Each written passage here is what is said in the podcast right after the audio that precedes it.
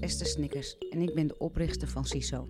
CISO is een wereldwijde platform waar je een opsteller kan vinden voor een opstelling bij jou in de omgeving of online. In deze podcast, aan de keukentafel bij, maak je kennis met opstellers. Zij vertellen over hun achtergrond en over het prachtige werk dat zij verrichten. hallo Wim, welkom. Ja, hi Esther. Uh, leuk dat je hier uh, bij de podcast bent, bij de keukentafel uh, A bij. En um, nou, Wim Jurg is van de merkopstellingen. En ik ben heel benieuwd wat merkopstellingen inhoudt. Ook al hebben we al wat contact, dus ik weet het hier en daar wel al. Maar ik denk dat je me nog steeds wat meer informatie kan geven. En ja, welkom. Dankjewel. Leuk om bij de podcast te zijn. Ja, en helaas uh, we moeten het zo doen. Uh, ook een beetje van, vanwege de corona.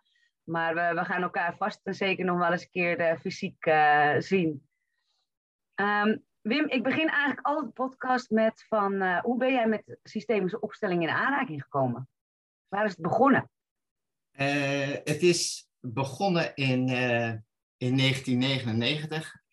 mijn, mijn broertje, zeg maar, die was een fan van, van Bert Hellinger. En echt van het eerste uur, dus in 97, 98 ging hij naar Rome en uh, okay. naar Californië om daar die, de opstellingen van Bert Hellinger bij te wonen.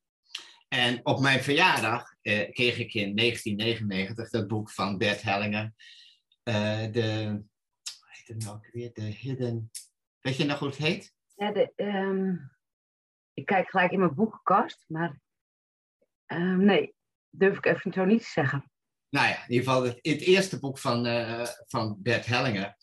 En, uh, en toen heb ik wat opstellingen meegemaakt en iedereen zei, ah, ik snap er helemaal niks van. En toen dacht ik, ja, maar ik, kijk, ik was ook altijd voetbalcoach. En wat ik al wat ik had ontdekt is dat als je de mensen fysiek naast elkaar zet, dus niet op het bord met van die poppetjes, maar gewoon fysiek naast elkaar, dat je echt kan voelen waar de energie goed is en waar de energie niet goed is. Dus dat, die methode gebruikte ik eigenlijk al 15 jaar uh, voor het voetballen. Dus het idee, zeg maar, dat je mensen in de ruimte ten opzichte van elkaar zet en dat je dan kunt voelen hoe de energie is, maar ook kunt zien. Want mensen, zeg maar, die uh, dus geen goede verbinding hebben, dan zie je altijd van, zeg maar, dat de benen dichter bij elkaar staan, zeg maar, uh, als het hoofd. Dus die staan altijd dan een beetje zo uit elkaar. Ja, en die, dit krijg je dan al, hè? Ja, ja en, en mensen ja. zeggen dus, en, en mensen die gewoon naar elkaar toe neigen, dat gaat goed. Dus bijvoorbeeld, als je die verdediging had, de centrale verdediging, wat natuurlijk super van belang was, is dat eigenlijk die, de, de centrale verdedigers, die moeten naar elkaar toe uh, neigen, maar ook naar de keeper toe. Dus ze moeten wel ietsjes, zeg maar, min of meer naar achter. Dan lijkt het alsof ze uit balans zijn. Maar dat betekent dat ze eigenlijk ook een goede verbinding hebben met de keeper erachter. Als die keeper dus inderdaad zo gaat staan, dan wordt het, krijg je altijd wel een misverstand in een wedstrijd. En zeg je, oh, wat had ik weer pech vandaag. Maar ja. dat, ligt, dat had je van tevoren al lang kunnen zien. Ja. Dus bijvoorbeeld ja. als je dan rechtshalf en rechtsback had en die gingen gewoon zo naar elkaar, dan zeg je, jullie zijn rechtsback en rechtshalf. Maakt me niet uit wie rechtsback staat of wie rechtshalf, zolang je maar zorgt dat die posities goed bezet zijn. Dit betekent ja. natuurlijk dat die rechtsbuiten, zeg maar, gewoon wat geïsoleerd stond. Dus die zeg je van, jij bent gewoon rechtsbuiten. Kon zijn dat hij geweldig neigt naar die spits. Dan zeg je, jullie zijn spits en rechtsbuiten. Maakt me niet uit wie waar loopt. Uh, maar als mensen dus een goede verbinding hebben, ja, dan, dan werkt het supergoed. Ja. Dus ja, dus voor jou was het een en al herkenning eigenlijk. In het was een en al herkenning, dus ik snapte ook helemaal niet dat iedereen zei: Ik snap helemaal niet dat dat werkt. Ja, ik dacht, ik wist al lang dat ja. je, dat, dat zo werkte. En wat er natuurlijk heel bijzonder aan was, is natuurlijk wel uh, dat het ook werkt op, uh, op abstracte begrippen. Dus niet alleen qua personen, maar ook als je zeg maar, het geld opstelt of de erfenis dus dat is wel bijzonder. Maar ik was ook altijd een fan van de metaforentheorie ja. van Lakoff en, en Johnson. En uh, ja, die, die zeggen natuurlijk eigenlijk dat, dat je altijd denkt in metaforen. Dus het, het vertalen zeg maar, van de mindset om in, in echt een visualisatie daarvan, ja, vond ik eigenlijk ook altijd super logisch. Ja. Dus ik vond het, met, uh, en het was grappig, want ik moest toen promoveren bij de Open Universiteit. En ik had eerst willen promoveren uh, op de, uh, de. Hoe heet het nou ook weer? Die, al die, die commercialisering, zeg maar, van die, van die ziekenfondsen, weet je wel. En de NS en dat soort dingen. Ja, ik vond dat gewoon helemaal niks. Want je kunt dat niet commercialiseren natuurlijk, omdat je daar gewoon nooit... Je kunt niet met, met, met 16 op dat spoor gaan rijden. Dus, ja. het idee dat je dat zou commercialiseren en daarmee geld zou verdienen, is natuurlijk dom. Want heb je bovendien heb je geen beleidsinstrument meer in handen. Dus ik vond dat ongelooflijk domme acties, ook met het gas, zeg maar, privatiseren. Nou, ik dacht, dit schiet allemaal niks op. Dus ik dacht, Wim Jurg gaat aan de slag en die gaat de wereld, al Nederland, duidelijk maken dat dat geprivatiseerd van dat soort nationale dingen, dat dat alleen maar ellende oplevert. Maar soms in Engeland waren er ook alleen maar voorbeelden van. Dus ik dacht, daar ga ik op promoveren. Maar toen zei mijn promotor tegen mij, superleuk onderwerp, superleuk. Hij zegt, maar heb je ook niet iets positiefs? En uh, ik zei iets positiefs. Ja, hij zegt, je kunt natuurlijk wel zeggen dat dit niks wordt. Maar ik weet niet of iedereen op de mening van Wim Jurgens zit te wachten. Nou, dat kon ik me eigenlijk niet voorstellen dat dat niet zo was. ja. Maar goed, dus toen, eh, toen zei ik van nou, ik was dat ik met die, met die uh, uh, opstellingen bezig was. En de naam was in het begin was Family Positioning. En ik was natuurlijk ook altijd uh, actief zeg maar, bij de Open Universiteit op het gebied van brand positioning. Dus ja, de, de, de link van family positioning naar brand positioning was ja, die was eigenlijk heel kort. Ja. Dus, uh, en ik ken de methode al. Hij, ja, hij sloot helemaal aan op de manier waarop ik dacht en voelde en wilde werken. Dus ja. uh, ik vond het fantastisch, zeg maar. Dus toen ben ik begonnen in 2000 heb ik, ik wou de eerste opstellingen meteen zelf wil begeleiden. Dat, ik dacht, dat leek me gewoon het aller, allerbeste natuurlijk. Maar toen zei de promotoren, zei, nou, bij een promotieonderzoek is dat eigenlijk niet echt wenselijk. Uh, degene voor mij, uh, Ursula bijvoorbeeld, was, uh, was ook gepromoveerd op haar eigen opstellingen. En Gemeinder, zeg maar, in Duitsland was ook gepromoveerd op zijn eigen opstellingen. Dus ik vond het vanuit die opstellingenwereld was het niet zo onlogisch. Mm -hmm. Maar ja, eigenlijk dacht ik, het is ook wel goed. Dus ik, toen ben ik in 2000 naar Jan Jacob geweest om te vragen of hij wil meewerken aan deze, aan de, aan de kijken of je dus die merkopstellingen zou kunnen inzetten voor merkvraagstukken. Ja. En uh, nou, Jan Jacob, die, Jan Jacob dat doet, keek die zo naar boven. Dat duurde gewoon in mijn ogen wel een kwartier. En ik dacht, ja, wat nu? Uh, want is zo goed kende ik hem nog niet. En zei hij, ja, dat lijkt me wel uh, goed. Systeem is goed. Nou, dus we hebben dat gedaan en het is, ja, ik vond het fantastisch is het verlopen. Ik heb daarnaast, behalve met Jan Jacob, heb ik ook heel veel andere merkopstellers uh, meegenomen in het onderzoek, maar in de beschrijving in mijn promotieonderzoek, zeg maar, die heb ik hier eigenlijk altijd standaard liggen, die uh, uh, heb ik eigenlijk alleen de opstellingen van Jan Jacob meegenomen, omdat anders al die varianten, ja, maakt het allemaal zo ingewikkeld. Ja. Dus, ja.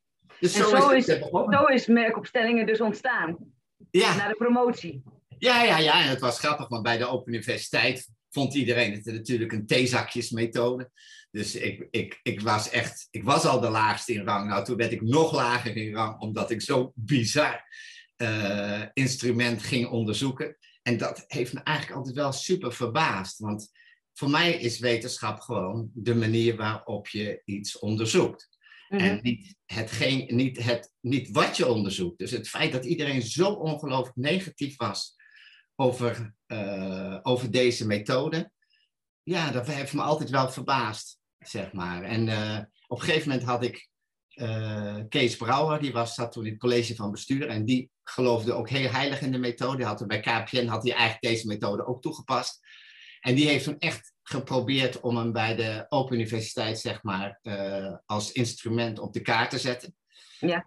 Nou, dus uiteindelijk, zeg maar, heeft hem dat ook de kop gekost. Want de, de, er zit, zit uh, rond dat onbewuste zit natuurlijk best heel veel uh, heftige energie voor bij een ja. hele mens. Ja. Dus dat, ja. je zag het al toen, als we teruggaan zeg maar, naar de tijd van, uh, van Freud. Daarvoor was natuurlijk bijvoorbeeld het eh, het introspectief onderzoek was gewoon kenmerkend voor psychologie. Zo werd er onderzocht. Maar toen Freud zo ongelooflijk aankwam zetten met dat onbewuste en uh, toen werd iedereen zich ontzettend bewust dat hij denkt van ja, ik weet niet wat ze er allemaal uithalen uit datgene wat ze met mij deden. Dus toen is eigenlijk dat hele introspectieve onderzoek, ja, daar, dat is echt heel erg op een laag pitje komen te staan. Ja. En, uh, maar goed, ik heb het dus ook bij de Open Universiteit, heb, uh, had ik op een gegeven moment wel gelukkig weer een fan. ook met de decaan. En die vond het, vond het wel superleuk dat ik hiermee bezig was. Dus die heeft me toen ook gevraagd of ik studenten niet het onderzoek wou meenemen. Dus uiteindelijk zijn er ook 50 studenten afgestudeerd op die merkopstelling. Ja, dat vond ik, het was ook fantastisch. Ja. Ja. Het maakte wel, zeg maar, dat mijn promotieonderzoek uh, ja, wel wat lang heeft geduurd, zeg maar. Ik ben er uiteindelijk 2010 pas gepromoveerd. Maar uh, ik vond het fantastisch om ermee aan de slag te gaan. En ik vond het natuurlijk ontzettend leuk. Ik ben wel een team uh, iemand. Dus dus ik vind het dan ook echt leuk omdat dat er dan andere mensen zijn met wie je dat samen kunt, uh, kunt ontwikkelen. Want ja. in, in, je eentje dan uh, is het toch altijd een beetje eenzaam. Ja, snap ik. Maar het is wel kicken ook, toch? Het is ook wel kicken ja, dat je gedaan hebt. Ja. Ik, ik, heb altijd gedacht, als ik, het, als ik het einde niet haal, dan eh, vond ik het nog fantastisch. Maar wat er, ik heb hem in 2007 heb ik toen een, een artikel over die opstelling gepubliceerd in het Journal of Brand Management. En dat was ook heel grappig, want normaal gesproken krijg je dan zo'n artikel uh, terug met, met, met 16.000 opmerkingen. En uh, ik had mijn artikel dus ook ingediend in 2005. Ik hoorde er dus nooit meer iets van. In 2007 kreeg ik een ding met die, dat die geaccepteerd was, punt. Dus het enige wat ik nog moest doen is een in de. Ze zei, we hebben een, uh, dus ze hadden hun stijl veranderd, zeg maar, van de manier waarop ze de literatuur vormgaven. Dus dat moest ik aanpassen. Maar ik hoefde in het artikel helemaal niks aan te passen. Wauw. En ja, dat was dus heel grappig, want daarna was er geen collega meer die, die zei van wat een uh, theezakjesmethode. Want ja. omdat ik het mij gelukt was om er, een, om er een artikel in het Journal of Brand Management te plaatsen. En dat was natuurlijk, er was een van de, zijn twee bladen, zeg maar, eh, die heel hoog staan. En dit is een van de twee, dus dat was fantastisch dat me dat gelukt is. En het was ook leuk, want ik had eerst alleen de digitale versie, maar toen heb ik ook nog de papieren versie gekregen. En het was grappig, want het was 50 pagina, daar staan dan vier artikelen in. En mijn, mijn artikel, dat was 35 pagina. En die andere drie artikelen, die hadden nog 15 pagina. Dus het, was, het leek wel een heel nummer uh, over, mijn, uh, over die merkopstellingen. Dus het was echt heel bijzonder uh, dat dat toen zoveel aandacht uh, heeft gekregen. Ja.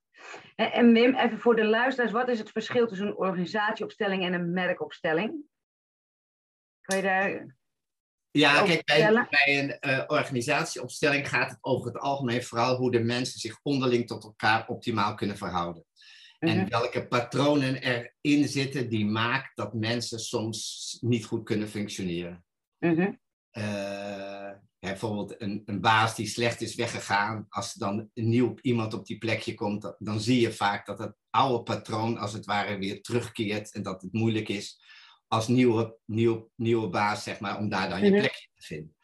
Uh, kijk, bij, bij merkopstellingen gaat, gaat het erom uh, dat je de, kijkt of de beslissingen die je, die je eventueel zou kunnen nemen, bijvoorbeeld je logo veranderen of een nieuwe doelgroep opzoeken, uh, of die gaan bijdragen zeg maar, aan, aan je merk.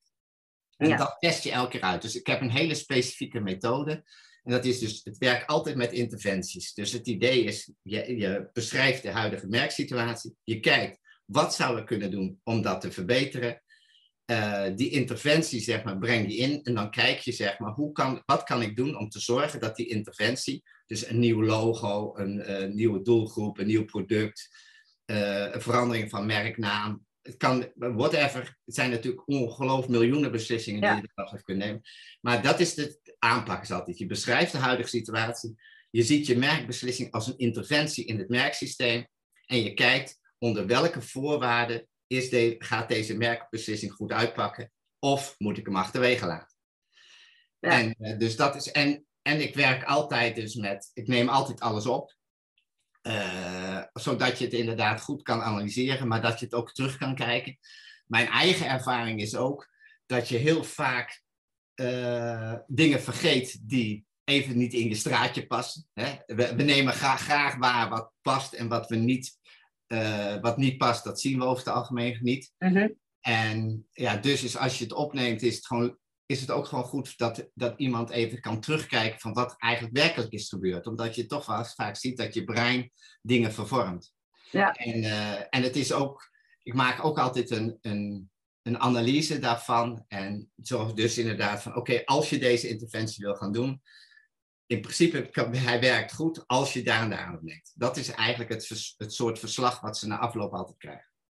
Ja, dus eigenlijk bedrijven die dus iets, ja, iets toe willen voegen of een verandering willen aanbrengen in hun bedrijf, die komen dan voor een merkopstelling. En is het dan eenmalig of, of heb je een traject wat je met. Uh, nee, het is. Een eenmalige opstelling of. of ja. Het is, uh, het is één, het is per, per interventie, per beslissing is het gewoon één opstelling. Uh, het mooiste vind ik, zoals pas bij uh, Daarom bijvoorbeeld, daar gingen ze, waren ze ook aan vragen, afvragen zeg maar, of hun logo's goed waren, zoals ze nu waren. En dan zijn er twee directieleden en dan doe je eigenlijk een, een, een merkopstelling met beide, onafhankelijk van elkaar, okay. om te zien van oké, okay, wat, is, wat zie jij en wat zie, wat zie jij?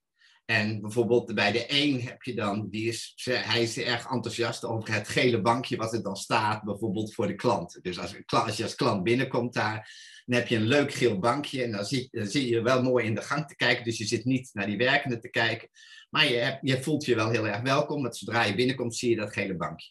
Nou, dat was voor, die, voor Wolter was dat dan heel erg belangrijk, want daar staat symbool voor wat hij belangrijk vindt om ja. met om te gaan. Bij, de, bij die andere, zeg maar, ach, die, die had niet zoveel met dat gele bankje. Maar die maakt zich heel, heel uh, die zei van, ja, maar hoe, we zijn een Gronings bedrijf. En de, wat, hoe, hoe gaan we daar precies mee om? Dus bij de ene had, had je dan de G1 uh, was dan gele bankje. En G2, zeg maar in de tweede opstelling, was Groningen. Dus ja. uh, ik werk ook altijd met symbolen, met letters, zodat niemand weet waar die voor staat. Ja, en, dat is ook wel interessant, ja. Ja, dat is ook echt anders. Dat is al eigenlijk ontstaan door die eerste klanten die, die op een gegeven moment zeiden van nou, ik, ik, ik weet niet of het wel helemaal zuiver is. Omdat mensen die zeggen van de klant, en er was dan iemand die zei, ik ben de koning, zei hij dan. En dan dacht je, ja, is dit nou, komt dit nou uit de opstelling? Of is die gewoon lekker ja. zich uh, als toneelspeler uh, iets, iets aan het neerzetten, zeg maar, ja. omdat hij zich geen houding weet te geven. En, en het is heel erg moeilijk om dan het verschil te zien. Uh, als opsteller al, zeg maar, maar dus voor de klant helemaal. Die kan dat helemaal niet uit elkaar houden of iemand dan echt is, of dat hij daar eigenlijk een toneelstukje zit op te voeren. En toen hebben we, hebben we eerst gekeken van, we hebben eerst met cijfers gewerkt. Nou, dat was echt een hopeloos, geen succes. Want dan zei je één en dan moest iemand één en dan één, één. Oké, okay, wat is één ook alweer? Dus dat schoot niet op. Dus waar, ja. uh, toen hebben we dus bedacht van waar het om gaat uiteindelijk is dat je de letters heel snel kan associëren met datgene waar ze voor staan. Dus als je het bijvoorbeeld hebt over het huidige logo, dan neem je de H bijvoorbeeld. Ja. En dan, dan kan je meteen denken, zodra je de H iets zegt, denk je, oh, dat zegt het huidige logo. En N, het nieuwe logo, oh ja, dat zodra N wat zegt, dan gaat je brein automatisch aan de slag met het nieuwe logo. Ja. Kijk, want ja. de kern van de methodiek is voor mij uh, dat je 99% van je kennis onbewust verwerkt. En dat betekent uh, dat je heel veel weet wat je niet weet. Ja. En, ja. Ja, en dat betekent dus ook, zeg maar, dat, dat als je een beslissing moet nemen, dat je eigenlijk moet proberen die onbewuste kennis naar boven te krijgen. En daar werkt die merkopstelling ongelooflijk goed voor. Want je, je ziet, je, je, ziet je, of je hoort uh, zeg maar die nieuwe merkbelofte wat zeggen. En je voelt meteen dat je denkt, oh ja, natuurlijk dat en dat en dat. Dus, want je brein gaat automatisch aan de slag om alles wat je om je heen ziet logisch te maken. Dus ook datgene wat, wat er in de opstelling gebeurt. Dus ja. je kan perfect, uh, is de perfecte trigger als het ware, in mijn ogen, de opstelling, om je onbewuste kennis boven tafel te halen. Ja, ja. En het blijft elke keer bizar, dat was die vorige week ook weer zo bij dat voorbeeld van Daarom.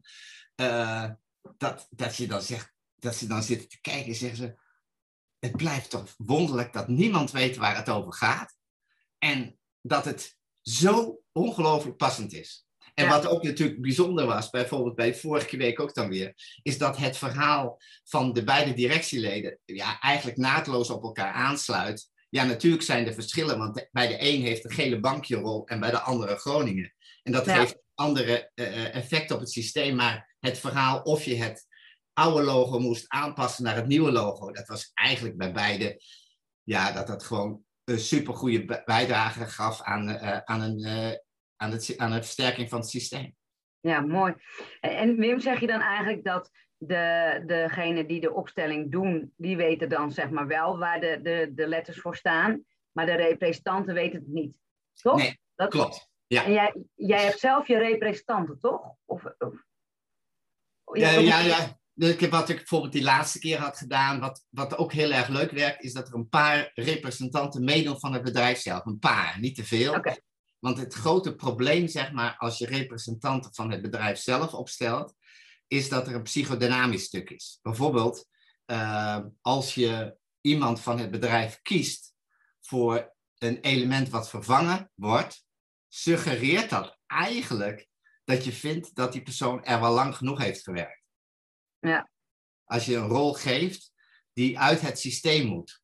En Ja. dat doe je dan niet bewust, maar dat doe je wel. En dus wordt die rekenbaar dat degene die die rol krijgt, voelt dat hij zeg maar moet gaan. Dan moet je aan, namelijk aan die persoon zeggen: bedankt dat je erbij was, maar eh, zou je nu Ja. willen gaan zitten? Nou ja, Ja. die voelt natuurlijk ook dat dat verder gaat als alleen de, die opstelling. Maar het is wel het, het leuke daarvan is eh, dat het echter wordt voor, voor de opdrachtgevers, omdat, die omdat ze zeker weten dat die mensen uit hun eigen bedrijf er niks van weten. Want die hebben, Ja. ze, zelf, hebben ze zelf voor gezorgd dat die er niks van weten waar het over gaat. Dus dat maakt het geloofwaardiger. En het is ook leuk voor, voor de dialoog na afloop, eh, omdat je dan eh, ook, dus naast die directieleden, ook een aantal mensen van het bedrijf zelf hebt, die, die dan eh, vanuit die opstelling kunnen eh, reflecteren op die, die mogelijke verandering. Ja. En, en Wim, heb jij het idee dat meer, steeds meer bedrijven hiervoor open gaan staan? Ja. Ja. Ja. Dat idee heb ik. En eh, kijk, ik heb, bij, ik heb mijn eigen opleiding hè, voor, die, voor die basisopleiding werkopstelling. Er zijn, er zijn twaalf mensen, zeg maar, hebben nu eh, hebben dat afgerond. Dus dat betekent dat er sowieso twaalf mensen nu ook in Nederland daarmee bezig zijn. zijn nu, ik heb elke keer maar een heel klein clubje hoor. Dus nu, nu zijn er drie. En ik, ik hoop inderdaad, ik wil ook een klein clubje houden, maar ik wil wel graag. De eerste keer was een clubje van vijf. En eh, dat, is, dat is goed, zeg maar. Dat is Die de jaaropleiding deden bij, bij je? Ja, Ja. ja. dat is een, of een, half, een half jaar opleiding is het. Oké. En, eh, maar dus, eh, en dan, dan begin je ook gewoon meteen met opstellingen begeleiden. En eh, zodat, zodat je er met elkaar over kunt sparen. Het zijn allemaal mensen die natuurlijk al heel veel levenservaring hebben. De een in de opstellingen, de ander in de merken. En dan is het, vind ik het mooiste als je gewoon meteen aan de slag gaat en dan met elkaar reflecteert. Oké, van hoe is de opstelling verlopen? Eh, en wat zou je mogelijk een volgende keer anders kunnen doen? Bijvoorbeeld, een van de dingen die dan nog wel eens misgaat in het begin, is als er een conflict is tussen twee mensen, dan zeggen ze van, die ene zegt nou, ik word echt helemaal gek van hem. En dan zegt die ander nou, en ik word ook gek van jou. En dan zegt die nieuwe begeleider, bedankt. Gaan we nu naar het volgende element. Ja. En dat werkt natuurlijk niet, want als die spanning er ongelooflijk in zit, eh, dan moet je daar eerst iets mee doen voordat je een nieuw element in gaat brengen. Want ja, anders Ja. werkt het natuurlijk niet. En, maar goed, dus, dus, was, dus daar word je je dan bewust van. Eh, dat, en ik weet dat van mezelf vroeger ook nog wel. Ik hou ook niet erg van conflicten. En ik vond het in het begin ook echt moeilijk als twee mensen conflict hadden, hoe ik dat moest handelen. Mhm. Dus in een, Ja. in een opstelling. En, Ja. eh, maar dat is zo'n voorbeeld waarvan je dan denkt van nou, dat, dat leer je dan hoe je daar als het ware op een goede manier mee, eh, mee omgaat. Ja. Dus mensen hebben niet per se een vooropleiding nodig in systemisch werk. Maar ze Nee. hebben wel affiniteit met systemisch werk of met merken. eh, als ze bij jou de, de, de opleiding willen gaan volgen. Ja, ja kijk, je, je hebt ook wel vaak van die, uh, van die merkadviseurs die eigenlijk al een beetje werken met van die poppetjes bij wijze van spreken. Ja. Die, of met bekers die ze ten opzichte van elkaar zetten, omdat dat positioneren in merken, dingen ten opzichte van elkaar zetten en het, uh, zeg maar, het denken in merken als mensen, dat, is, dat is eigenlijk wel gebruikelijk binnen heel veel, uh, binnen die hele merkenwereld. Dus die vertaling van dat je het merk voorstelt als een mens, is binnen die merkenwereld eigenlijk heel erg logisch. Okay. Dus hebben dan, als, als, als, je, als je goed in die merkenwereld zit, is de stap naar, uh, naar, die, naar opstellingen is niet zo groot. Oh, en, maar nee, dat is niet, die is niet zo groot. Omdat, okay. omdat je gewoon gewend bent om te denken in positionering en, en ja. over personificaties van, van merken en merkelementen. En het werken zeg maar met uh, hoe noem je dat ook alweer? Persona's bijvoorbeeld. Iedereen werkt met persona's in brand. Dus van die ideale klant is een persona. Ja. Dat is Tante Truus, zeg maar, van drie hoog. Of ja, ja, ja. Maar dat maakt dus ook al dat het denken over merkelementen in de vorm van mensen eigenlijk heel dicht staat bij hoe ze normaal denken. Ja. Het werkt ook leuk in de groep hoor. Want dan heb je een aantal mensen, zeg maar, die heel erg thuis zijn, zeg maar, in. Uh, uh, in die opstellingen en weinig in werken. En omgekeerd heb je dat ook. Dus dat werkt ja. heel erg leuk met elkaar samen. Ja, dat geloof ik wel. En je kan veel van elkaar leren, denk ik, daarin. Yes. Ja. ja. Dus dat is en, superleuk. Maar eigenlijk is het dus heel mooi als je een organisatieopsteller uh, bent, om uh, merkopstellingen erbij te doen. Want dat is echt wel een toegevoegde waarde. Ja, ik denk, ja, dat denk ik echt. En uh, vooral ook omdat er natuurlijk een aantal dingen die bij organisatieopstellingen uh, anders lopen. Zoals daar is het over het algemeen gebruikelijk dat iedereen weet waar die voor staat. Uh, dus dat stuk, zeg maar, het leren werken waarbij representanten niet weten waar ze voor staan. Dat is natuurlijk wel weer een vaardigheid die, die op zich nieuw is. Maar ook het maken van een verslag waar, waar de cliënt wat aan heeft. Kijk, dat idee van de ziel moet zijn werk doen, dat zou dat kan heel goed werken, denk ik inderdaad, bij die familieopstellingen. Maar in, die, in een sfeer van bedrijven is de ziel moet zijn werk doen, is, werkt niet echt helemaal. Omdat je, je moet ook mensen kunnen meenemen in waarom dingen op een andere manier moeten. Je moet het kunnen uitleggen. Uh. Omdat je samen dat bedrijf vormt, als het ware. En dus uh, als je dan niet goed kan verwoorden wat er, uh, waarom dingen wel of niet werken, ja, dan is het ontzettend lastig uh, om de rest erin mee te krijgen. En krijg je juist vaak heel veel frustratie. Jij ziet inderdaad waarom het zo moeilijk is, bij wijze van spreken, voor die baas om dat mee te nemen. Maar omdat je niet echt dat goed kunt verwoorden, kun je ook heel moeilijk andere mensen erin meenemen in de rituelen die nodig zijn om een verandering te creëren. Ja, dus als ik het goed heb, de opdrachtgever die komt bij jou dan met een interventie.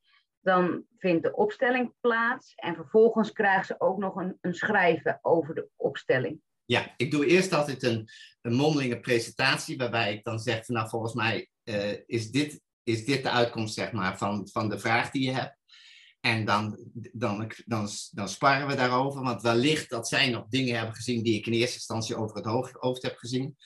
En daarna lever ik dan zeg maar het definitieve verslag in.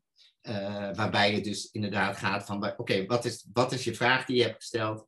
Welke beslissing wou je nemen? En wat is in principe, wat is ervoor nodig om er een succes ja. van te maken? Ja, mooi. En mooi dat je daar mensen voor op, uh, opleidt om dat ja. te gaan doen. Ja, ja. Ik, ik, ben natuurlijk, uh, ik vind het opleiden is gewoon ook een beetje mijn ding. Hè. Ik ben altijd al graag docent en ik vind het altijd leuk als, als, als, je, als je mensen kan, kan faciliteren, zeg maar, om uh, om, die, om dan zo'n nieuwe methode ook zo, aan, zo uit te voeren dat het helemaal bij hun past. Ja, ja mooi. En um, wanneer start de, start de volgende opleiding? Uh, 10 september. 10 september. Ja. Dat is wel goed om te weten, denk ik. Ik denk ja, dat, dat mensen naar aanleiding van deze podcast ook wel geïnteresseerd zijn. Uh, ja, dat zou hartstikke goed zijn om te weten. Zeg maar, uh, in principe zijn het uh, vijf mensen die mee kunnen doen. Want dat zei ik, van ik vind het belangrijk dat je gewoon uh, ook alle tijd hebt. Dus wat ik dan doe is, ik, ik spreek, we maken die videoanalyses, maar die spreek ik ook door met mensen. Zodat je inderdaad kunt zien van, oké, okay, welke interventies heb ik nou gedaan? Of welke ingrepen in het systeem? En ehm, ja, waren er wellicht andere opties geweest die hadden gemaakt dat die opstelling misschien toch net even iets soepeler was verlopen. Ja, ja. Ja, dat is mooi, want je, je leert gewoon heel erg praktijkgericht. En dat is, ja, ja dat, dat, ja, ik denk ook bij, bij opstellingen kan het eigenlijk niet anders. Want het, uh, ja, het is ook ervaren, hè? Het is... Uh, ja, opstelling. Ik weet wel natuurlijk van... Uh, in het begin was er bij Helling natuurlijk veel over te doen. Ik weet wel dat sommigen die deden dan natuurlijk... Die vonden natuurlijk de psychologen en de psychiaters... Die vonden dat je een psychiateropleiding nodig had of een psychologenopleiding. En dan zei Hellinger tegen iemand die dan voor het eerst kwam... Ja, jij hebt het gewoon. Dus je kunt, moet morgen beginnen. En uh, oh, ja. Tineke weet ik nog wel dat hij dat bijvoorbeeld zei. En ah, had iedereen zoiets ja, hoe kan dat nou? En, uh, maar ik, ik geloof er ook in, zeg maar, dat, dat je je eigen roeping moet vinden en de dingen moet doen die op de manier die bij jou passen. Dus uh, ja, de, iedereen die doet zijn opstellingen ook wel op een andere manier. Bijvoorbeeld, ik weet wel, eh, Joost Augustijn van, uh, van Marktrespons bijvoorbeeld, die, heeft er, die vindt het heel prettig als mensen zelf een plekje zoeken. Oh ja. En ja, dat is, dat is ook uh, uh, moving of the souls, hè, noemde de Hellingen dat op een gegeven moment. Dus ja, soms werkt het goed. Het is bij mensen die, die het niet goed kennen, de methode, die hebben gouden neiging om met z'n allen een cirkeltje te gaan zeggen van dan kan ik iedereen zo fijn zien. Ja. En ja, zo, zo is het natuurlijk. Dat, dat, dat is wel een, daar moet je je bewust van zijn als je die methode hanteert. Dat zodra je veel mensen in de, in de ruimte hebt staan uh, die de methode niet goed kennen, gaan ze, gaan ze geheid in het cirkeltje staan. En ik, ik, dat voelt voor mij dit niet helemaal zuiver.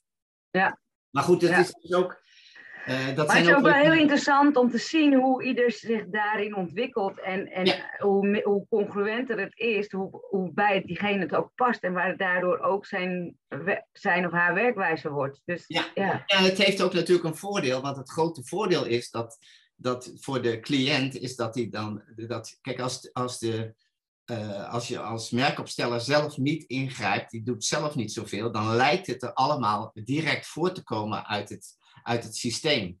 En voelt het dus geloofwaardig. En kijk, en een van de, van de bijzondere dingen van die hele merkopstellingen vind ik wel, is dat het een soort self-fulfilling prophecy is. Op het moment dat die uh, opstellingen aantonen dat iets een succes is, nou, daar gaan, geloven mensen er ook helemaal in. En dan wordt het natuurlijk ook succes. Want alles waar je 100% in gelooft en waar je vol voor gaat, wordt succes. Ik weet nog wel ook een keer, die, daar waren ze bij een bouwbedrijf, hadden ze een fantastisch concept, waren ze twee jaar hebben ze dat ontwikkeld.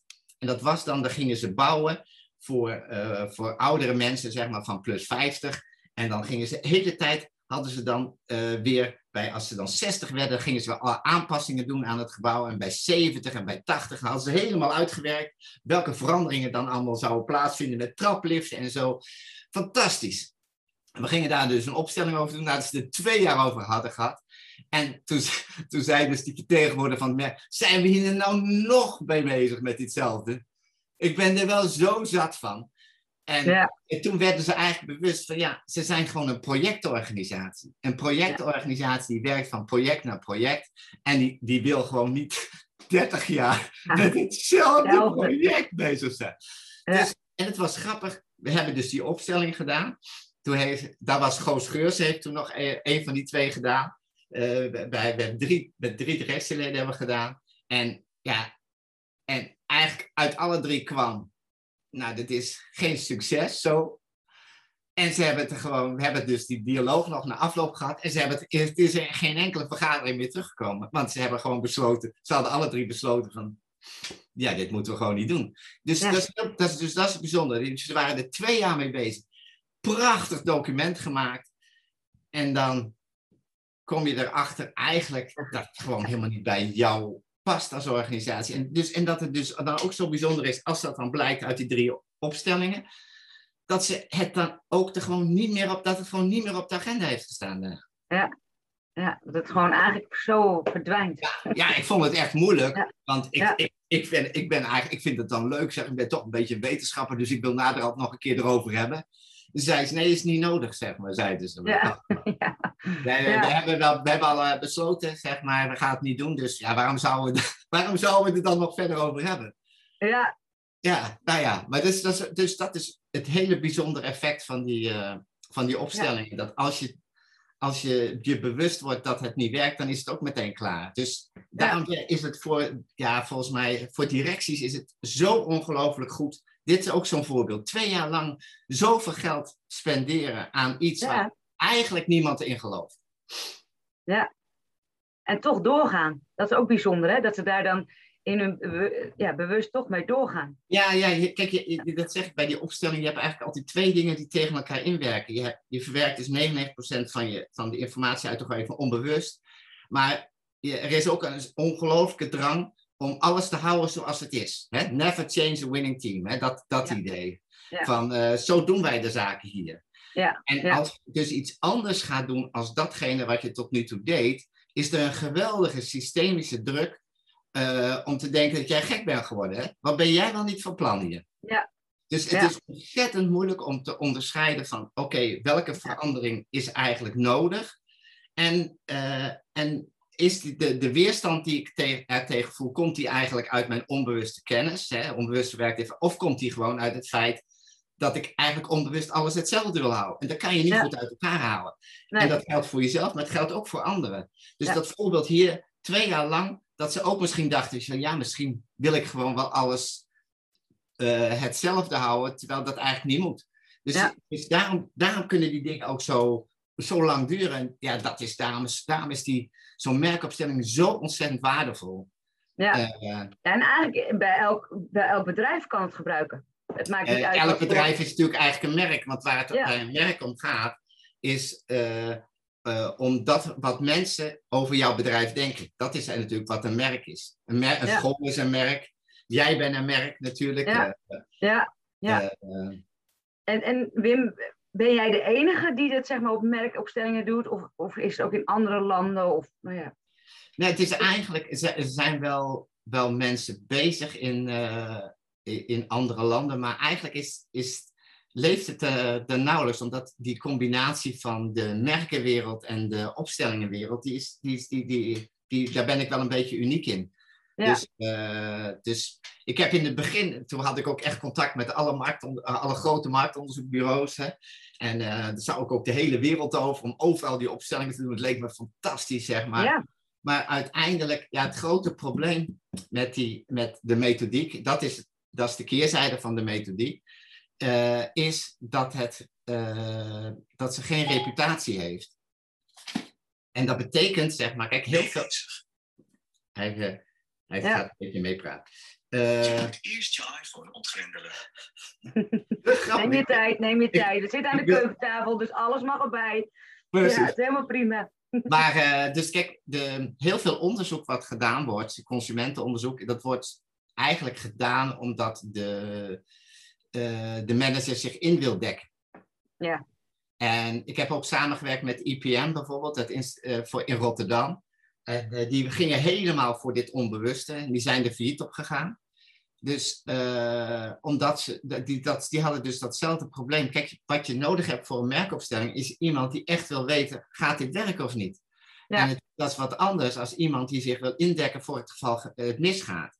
Ja. Daarvoor is een opstelling natuurlijk niet geschikt. Want als, als het misgaat, bij wijze van spreken, en je zegt, nou, ik heb er een merkopstelling over gedaan, dan word je natuurlijk alleen maar uitgelachen. Ja. Dus daar, daar zit de problematiek, zeg maar, dat, uh, dat, uh, dat er gewoon, ja, uh, er is natuurlijk geen wetenschappelijk bewijs dat de methode werkt. Want dat, gaat, dat lukt je natuurlijk ook nooit, omdat uh, zo is het voorbeeld wat, van dat bouwbedrijf wat ik noemde. Ja, die heeft natuurlijk de hele uh, beslissing niet genomen. Oké, dan kun je zeggen van, betekent dit nou dat dit een goede beslissing was? Is onmogelijk om dat te bewijzen.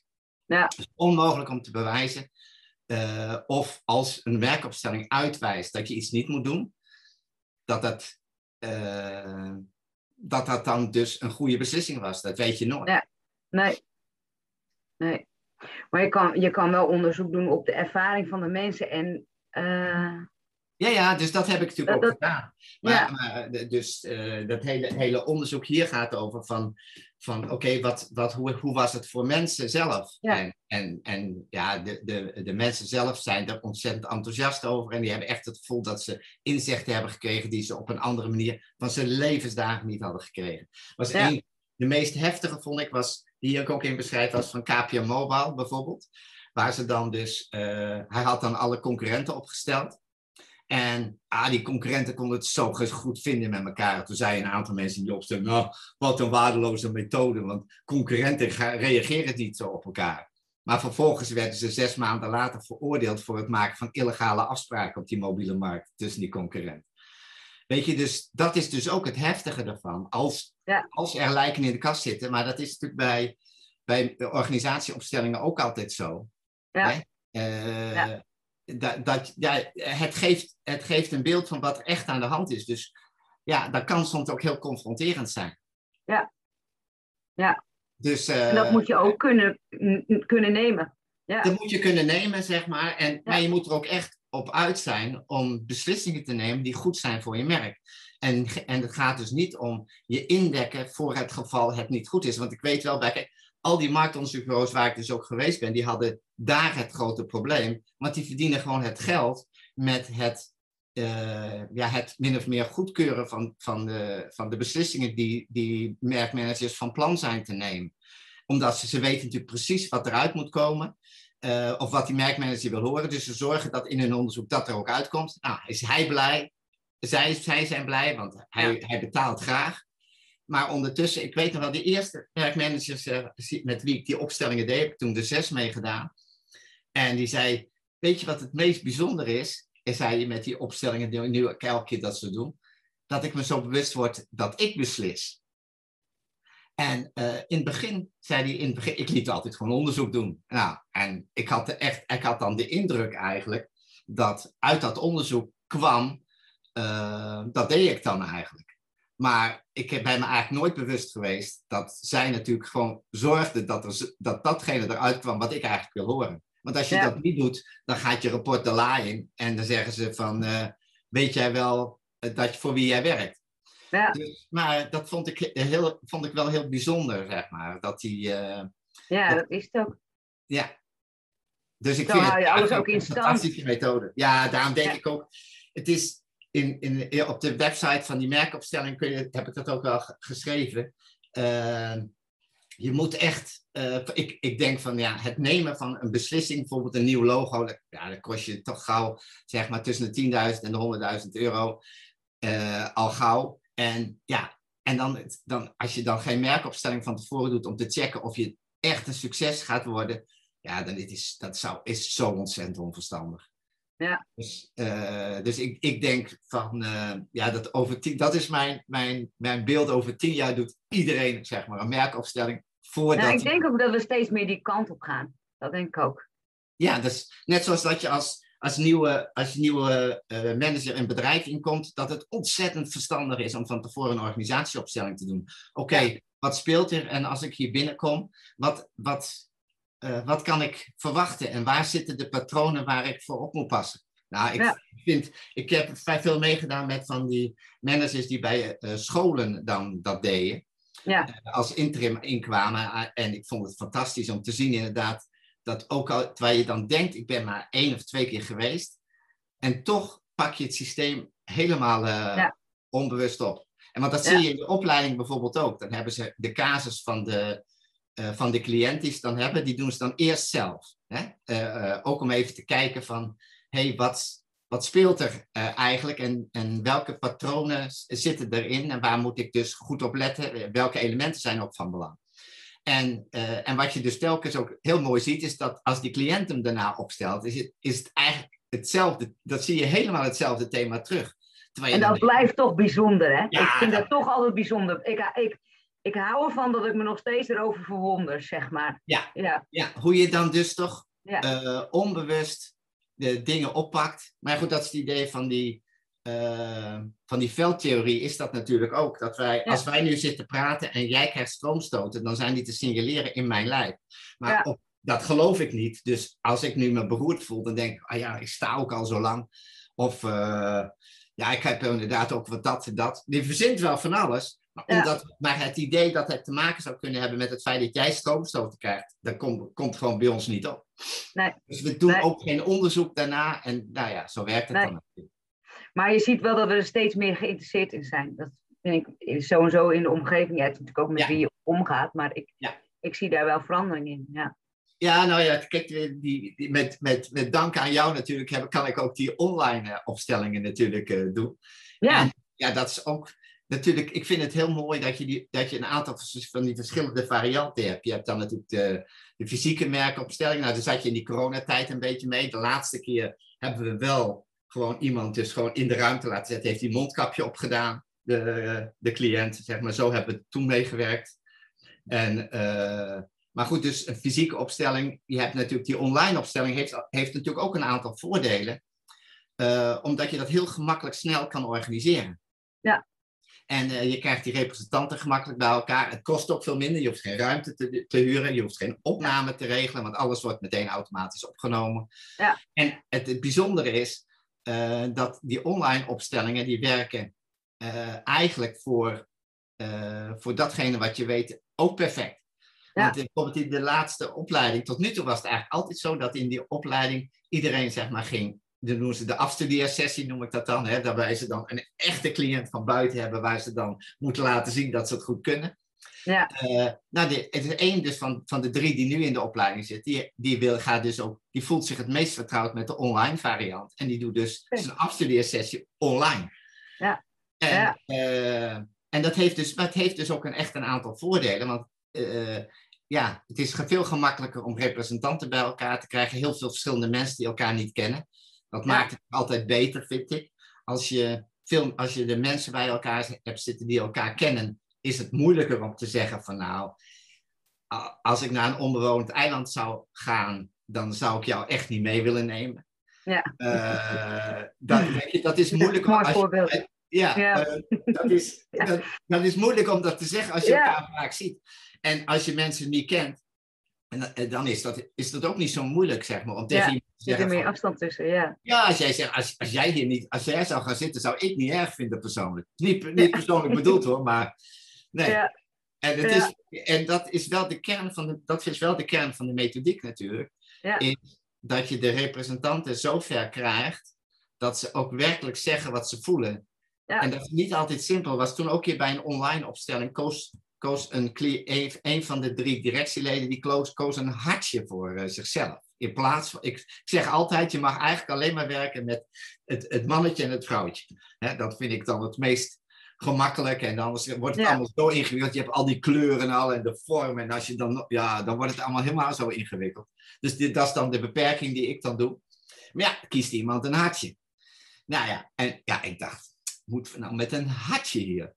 Maar vervolgens eh, krijg je dus dat een aantal representanten dan zeggen van eh, na afloop, zo'n hartje, dat was wel weer een beetje te heftig, hè?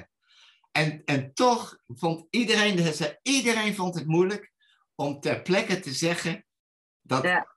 dat hartje, ja, van, dat, dat had voor mij niet gehoeven. Er was niemand die dat, die dat zei, terwijl na afloop was eigenlijk maar één die er enthousiast over was over het hartje. Dat was de representant die het hartje had gekregen. Die vond het fantastisch dat zij het hartje was.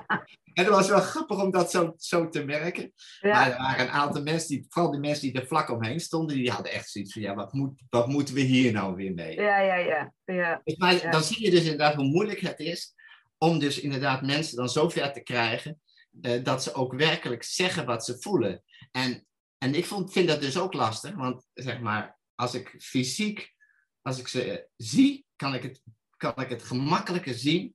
Eh, ik heb het online, ik heb wel, wel gepoogd het te zien. Ik heb ook wel, ik heb het, vond het ook, ik heb het ook niet letterlijk gevraagd, dat vond ik weer te. Vind je dat dat kan, zo'n hartje? Dat wou ik ook weer niet vragen. Dus misschien ligt het ook wel bij mezelf hoor. Ja, Maar het was wel een mooi voorbeeld van eh, hoe je dan soms dat bij online moeilijker is om mensen dan zo ver te krijgen dat ze dan dat toch zeggen. Terwijl je zou zeggen, ja, online zou dat prima moeten kunnen. ja, Maar goed, Ja. dus online heeft echt wel een aantal eh, voordelen, omdat je dus inderdaad snel kan organiseren. Eh, en een hele hoop dingen werken. Het werkt perfect, vind ik, jou, jouw hele online systeem. Ja, dankjewel. Ja, en wat ik dan ook een, een voordeel vind, is internationaal. Je kan internationaal met elkaar werken. Ja. En eh, ja, nou ja, het is natuurlijk gewoon afstand. Dus, uh, ja, maar In, in, in, principe heb je, het, heb je het ook al als je in Nederland werkt, zeg maar. Uh, als ja. je een, een, een Zeeuws bedrijf hebt, dan kun je heel, kan ik dat heel gemakkelijk uh, begeleiden. De, ja. Ik blijf wel de voorstander van, zeg maar, om het. Dus de dialoog na afloop, die doe ik altijd fysiek. En de intro doe ik ook altijd fysiek. Omdat dat, dat maakt het wel wel gemakkelijker. Maar het is heel wat gemakkelijker om, om met z'n drieën een afspraak te maken als dat je meteen op korte termijn, bij wijze van spreken, twintig representanten krijgt. Of 10 ja. of 15. Ik vind het altijd wel van belang dat je voldoende keuze hebt. Als mensen het idee hebben dat, dat er bijvoorbeeld acht mensen zijn en ze hebben er bij de laatste element hebben ze eigenlijk geen keuze meer. Wat je dan in mijn onderzoek altijd hebt gezien, uh, is dat, dat mensen dan de uitspraken niet meer geloofwaardig vinden. Ja omdat okay. ze onbewust, ja. het werkt heel erg onbewust. Ja. Maar dan hebben ze het idee van, ik had geen keuze, dus dit, dit was de enige die ik kon kiezen. Ik weet nog wel dat iemand er ook zei van ja, en dan ging die voor een, uh, dat was, dan gingen we te testen uh, of die, uh, de Rabobank, zeg maar, in de tijd was nog van, van Jochem, of ze Friese hypotheekmensen op de bus moesten hebben in plaats van Jochem. Nou, en in principe was, hadden we toen weinig representanten, dus uiteindelijk was dus die, dat nieuwe logo, werd iemand met sandalen. Want dat was de enige die nog over was. Nou, hij vond het gewoon echt iemand voor niks. Die dan ook nog zei, ja, maar je bent hier niet voor niks. Dus ook nog eens een keer dat, dat spirituele geneuzel, zoals, zoals die manager dat dan noemde. Ja. En, uh, maar goed, er kwam dus uit dat het ja, fantastisch zou zijn uh, om dat te doen. Gewoon dus uh, Friese hypotheekadviseurs op die bus zetten voor de Rabobank. En nou, het heeft dus ruim een jaar geduurd voordat hij zover was. Toen heeft hij het gedaan en toen is het echt, is het, uh, aan, het marktaandeel is 14% omhoog gestaan. Dat was nog nooit eerder gebeurd. En, ja, uh, hè? Ja, ja dus, maar, en dat dus, de methode werkt wel. Alleen de ja. geloofwaardigheid, als ja. mensen niet echt het gevoel hebben dat ze iemand hebben, zelf hebben uitgezocht. Ja. Dat is hetzelfde als veel begeleiders, die hebben de neiging uh, om, om zelf bijvoorbeeld een representant op een plek te zetten. Of en dat werkt helemaal niet. Want dan denken ze van, oh ja, maar dat, dat, dat heeft niks met mij te maken. Dus het, als je die representant zelf de positie kan laten kiezen, dan gaat het nog. Maar het, het werkt gewoon veel beter als je, als je de cliënt de, de elementen laat kiezen. Ja, ja. En, en, da, en als ze dan wat dingen gaan zeggen, door de positie waarop hij of zij ze heeft neergezet, dan vindt hij het ook helemaal logisch, want ja, het is wat ik zelf heb neergezet. Ja, ja ja, ja. Ja, dat snap ik wel. Dat snap ik, zeker als het voor de eerste keer hiermee in aanraking komen ook, ja. hè? Ja, daarom is het ook al... Ik weet nog wel, dat toen ik in, in 2000 was Albrecht Maar, dat is mijn, dat is mijn grote favoriet qua, qua opstellingenwerk. Die deed toen ook merkopstellingen dus, uh, met Joachim Stromsky in, uh, in Duitsland. Ben ik toen vaak geweest. En, uh, en daar hadden ze dus ook kwamen ze ook tot ontdekking dat het ontzettend van belang is. Je hebt een aantal ervaren representanten nodig, omdat die zeg maar, dat cirkeltjesgedrag niet vertonen, omdat die echt gewoon in de rol kunnen blijven. Ja. Maar te veel, te veel van die mensen die het, die het kennen, ja, dan denkt hij van waar ben ik nou beland? Uh, ja. Dan wordt het allemaal ja. zo melodramatisch en dan gaat iemand zinkt meteen op de grond en die, oeh, wat voel ik me. En dan denk je van, dan denkt hij van, nou, ik weet niet waar ik nu beland ben, maar ja, precies, en dan gaat de geloofwaardigheid eraan. Ja. En, maar een van de belangrijkste dingen, en dat is dus ook, uh, ja, je moet uh, als, als merkverantwoordelijke, zeg maar, ook echt het beste met de wereld voor hebben. Want het is, het is een systemische methode. Dus ja. als jouw merk niet bijdraagt aan het welzijn van de mensen voor wie jij met je merk bezig bent, dan, ja, dan werkt het niet. En dan werkt de methode natuurlijk ook niet. Ja. Dus, dus het, is, het is echt ook echt purpose-driven, om het maar zo te zeggen. Je moet ja. echt, echt uh, het gevoel hebben dat je wil bijdragen aan een betere wereld. Ja. Als manager. Ja. Nou ja, ja, dat is ook mooi. Maar het is ook mooi om mee bezig te houden. Ik, ja, ik vind het fantastisch. Toch? Ik Ja. vind het zelf fantastisch. En uh, ik weet wel dat Albrecht Maar, die had het toen ook over. Op een gegeven moment was de laatste opstelling die hij deed. Uh, dat ging toen over een verzekeringsmaatschappij die, die, waarbij ze speculeerden op een stijging van de beurs. En, eh, en dat product verkocht slecht. En toen zegt Albrecht, maar ik heb helemaal geen verstand van, van, van beurzen of wat dan ook. Maar hij zegt, het is toch gewoon nu dom om zo'n product te kopen, zei hij. Ja, zegt die manager, dat klopt. En daarom is het ook zo moeilijk te verkopen. Dus, en wat, en wat toen in die, maar goed, hij was verkocht door die Joachim Stromski, dus Albrecht maar voor zijn, be, be, voor zijn gevoel moest wel ermee aan de slag. En wat hij, wat hij dan deed is, nou, je maakt een mooie brochure, die zet je ervoor. En je zet er nog een aantal andere dingen voor, zodat je dat product niet meer zag. En dan werd die klant er echt blij van.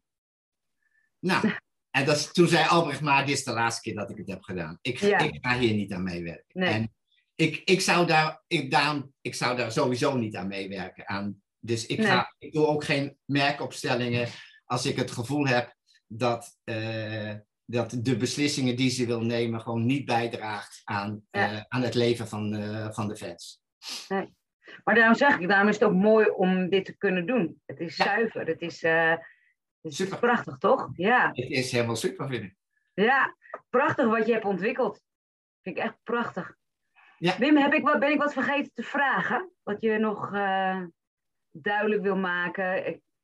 Mensen, de website, hè, de www.merkopstelling.nl, zeg ik goed? Yes. Ja, Daar kunnen ze alle informatie eh, vinden. Kunnen ze ook in contact komen met jou, Ja. volgens mij. En ehm, Ze kunnen me dus eh, eh, bereiken op uh, info.merkopstelling.nl of op info.wimjurg.nl. En eh, nou ja, als je denkt van hé, hey, het is leuk om, eh, om eens even erover te, te sparren. Nou, het is, het, is, eh, het is mijn hobby ook, zeg maar. Het is mijn liefhebberij. Ik vind het een fantastische methode. En de, ik vind elke keer weer is het een feestje voor me. Zeg maar, elke opleidingsdag eh, is een feestje voor me. En in voorjaar, 5 september geloof ik, zei je, begint de opleiding. 10, 10 september, 10, vrijdag 10 10 september. Ja. En heb je tussentijds nog, heb je deze zomer nog wat waar mensen nog aan kunnen deelnemen? Eh, nee, in de, nee deze, de, ik had 1 juli had ik de, de, de laatste klant, zeg maar. En 2 juli had ik dan de laatste opstellingsdag. Dus in, nee, in, eh, in juli, augustus ligt het eigenlijk altijd eh, een beetje Ja. stil. Oké. Maar Maar goed, willen ze meer informatie of willen ze, dan weten ze je te vinden. Ja. Via de website. Oké. Hey, en tot slot, eh, we hebben, ik maak met, aan de hand van deze podcast maak ik een Spotify-lijst met systemische nummers. Nou weet ik dat merkopstellingen natuurlijk wel eh, ja, misschien wat anders, anders ligt. Maar goed, je hebt natuurlijk al meer gedaan in, eh, op het opstellingengebied. Dus ik wil vragen of jij een, een muzieknummer hebt wat je wilt toevoegen aan deze lijst. nou, ik wat- vind, mijn, ik, mijn nummer wat ik altijd gebruik is eh, dat nummer van Pink Floyd van The Wall. We don't need no education. En ja, dat is echt helemaal op mijn, mijn lijf geschreven. Is van eh, ontwikkel je eigen roeping. En, eh, en ga niet met allerlei standaard dingen aan de, aan de slag. Zo, dus zo doe ik dat bij mijn eigen opleiding ook. Gewoon proberen aan te sluiten bij de kennis die al, iemand al heeft. Dus als iemand al twintig jaar lang marktonderzoeker is, ja, dan, dan heeft hij over het algemeen een fantastische manier om mensen te bevragen. Nou, Ja. dat moet je dan ook uitnutten. En dan moet het niet zo zijn dat ik ga zeggen hoe je dan iemand goed zou kunnen bevragen. Ja. Natuurlijk heb ik daar wel ideeën over. Bijvoorbeeld, mijn idee is altijd, je spreekt iemand altijd aan met de voornaam en niet met eh, L of K. Ten eerste vind ik L of K, dat is een beetje Jozef K-achtig hè, van Kafka. Dus daar heb ik al wat minder mee. Maar ik vind ook, als, als je mensen aanspreekt met het element waarvoor ze staan, dat je dan heel vaak eh, krijgt dat mensen gaan denken, oh ja, wacht even, ik ben K. Wat zou K ervan vinden? Maar dat is, voor mij is het een projectietechniek. Dus jij staat er zeg maar als Esther. Dus dan zeg ik, hoe is het met jou Esther? Zeg ik Ja.